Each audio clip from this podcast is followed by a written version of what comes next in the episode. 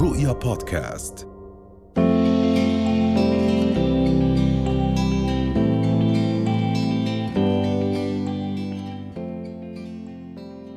بداية الشائعات على ال social media إحنا كل ما يصير في عنا آه، مثلا قضية وطنية أو مشكلة لها علاقة بأمن المجتمع مثلا بتكثر الشائعات. حتى على مستوى الطقس الثلج الشوب الحادث سير بنطلع على ال social media بنلاقي كثير من الأخبار الكاذبة. شو سبب هذا الإشي برأيك؟ وهل هو فقط في الأردن بالوطن العربي ولا بكل أنحاء العالم بنفس الشدة؟ سيدي صباح الخير عليك صباح الخير على كل اللي بيتابعونا. آه الإشاعة هي يعني اليوم شيء مؤرق آه جدا وبالأخص من يعمل بمجال الإعلام. وجود ال social media خلى المواطن الصحفي لأنه صار أي شخص أمامه في منصة عم ينشر عليها أخبار.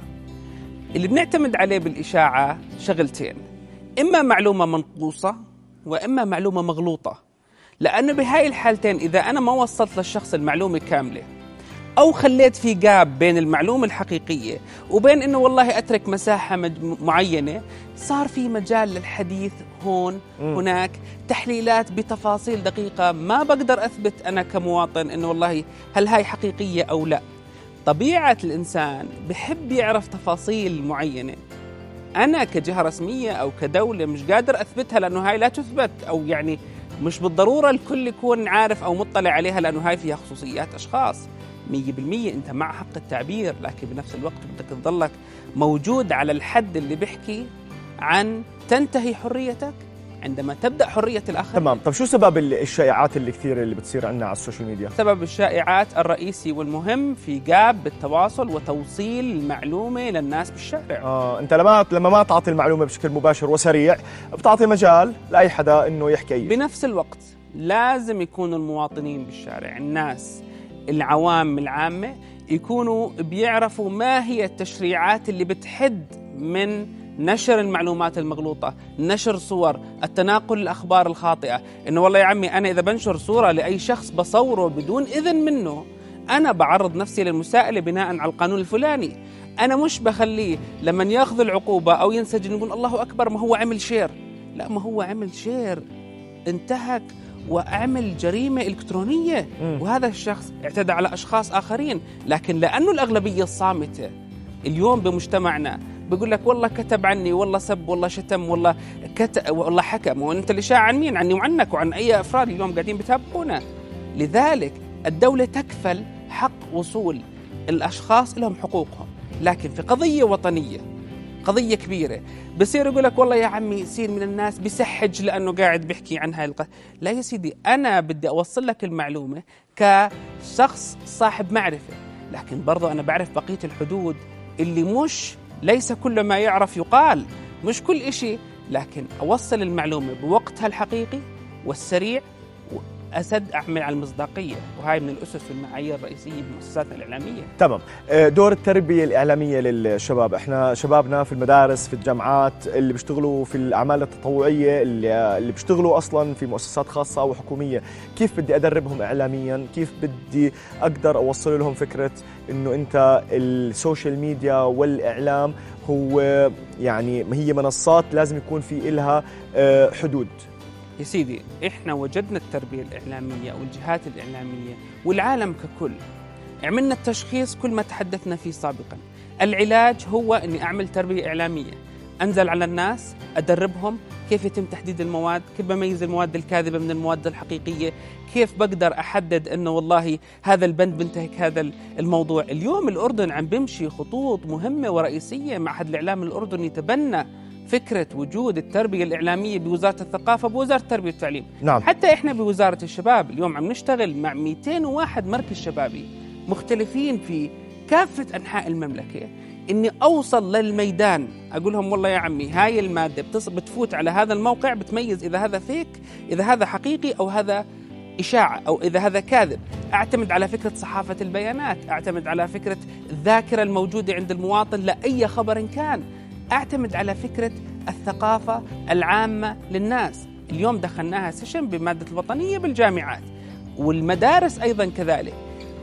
هذا الموضوع الشمولي بكافة أركانه أعتقد بخلينا نمشي خطوات بفكرة وجود تربية إعلامية عند الناس من ناحية إنه هو لحاله بصير يقرر بدون والله هيثم يطلع ولا أحمد يحكي ولا أستنى رؤية اللي تحكي تقول والله يا عمي أو حقك تعرف المنصة الحكومية اللي صارت فترة من فترات نختلف أو نتفق معاها لكن هي حاولت تقدم أدنى مربوط الدرجة من موضوع معرفة الناس الأخبار الحقيقية. تمام، دوركم في وزارة الشباب وحضرتك يعني آه، مدرب في وزارة الشباب وأيضا يعني مدرب إعلامي وخب وخبير إعلامي يعني إيش بتعملوا في وزارة الشباب لحتى يعني من برامج لحتى توصلوا للشباب أكثر في هذا سيدي. الموضوع؟ هذا الموضوع مهم من ناحية أنا ما بستنى والله أعمل علاج، أنا عم بحاول أوصل المعلومه وأكثفها اليوم أمام الشباب.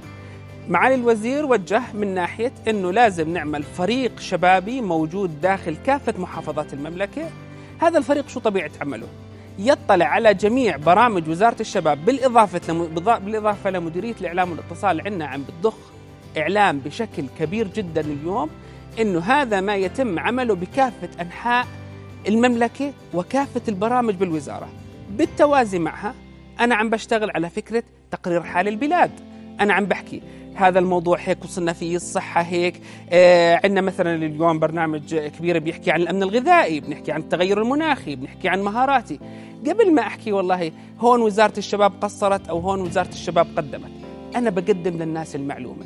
طالما صارت المعلومة متاحة أمام الناس صار في مجال لصحافة البيانات صار في مجال للنقاش لكن في أرضية مشتركة من المعلومة. فوجود هذا الفريق اللي إن شاء الله اعتبارا من شهر واحد راح يكون موجود وسميناه فريق الدعم الفني بكل محافظة إنه حتى مع الوزير لما بده ينزل أي فريق من الوزارة المديريات يكونوا موجودين سواء كان مع مجالس اللامركزية مجالس المحافظات. يشوفوا شو موازنة محافظتهم. والله اليوم نحكي المحافظة الفلانية ما فيها ملاعب. لا بدك تكون عارف إنه المحافظة هاي فيها آه، المحافظة الفلانية فيها 31 مركز وفيها 62 نادي وفيها شيء معين. تكون عندك هاي المعلومات. مشان لما بدك تناقش تناقش والله يا عمي أنا مع تعديل هذا البرنامج أو إضافة هذا البرنامج. يكون شيء منطقي قابل للتطبيق ومبني على معرفة. جميل جميل جدا. طب في النهاية شو النصيحة آه، أحمد اللي بتقدمها للشباب تحديدا في موضوع التعامل مع السوشيال ميديا؟ أنا آه، بحكي مع الشباب وأنا واحد منهم بأنه لازم يكون في تدور آه، على المعلومة بشكل صحيح يكون الواحد عم مش فكرة والله وين الرتم الأسرع بالخبر. انتظروا خبر قادم انتظروا خبر موضوع وبالصف فكرة السرعة. أنا ببحث عن المعلومة الحقيقية والصحيحة وأتذكر دائما إنه الإشاعة بيوم من الأيام تحكي عني أو بتحكي عن أبوي أو بتحكي عن أختي. لأنه هذا مجتمعك وهذا محيطك.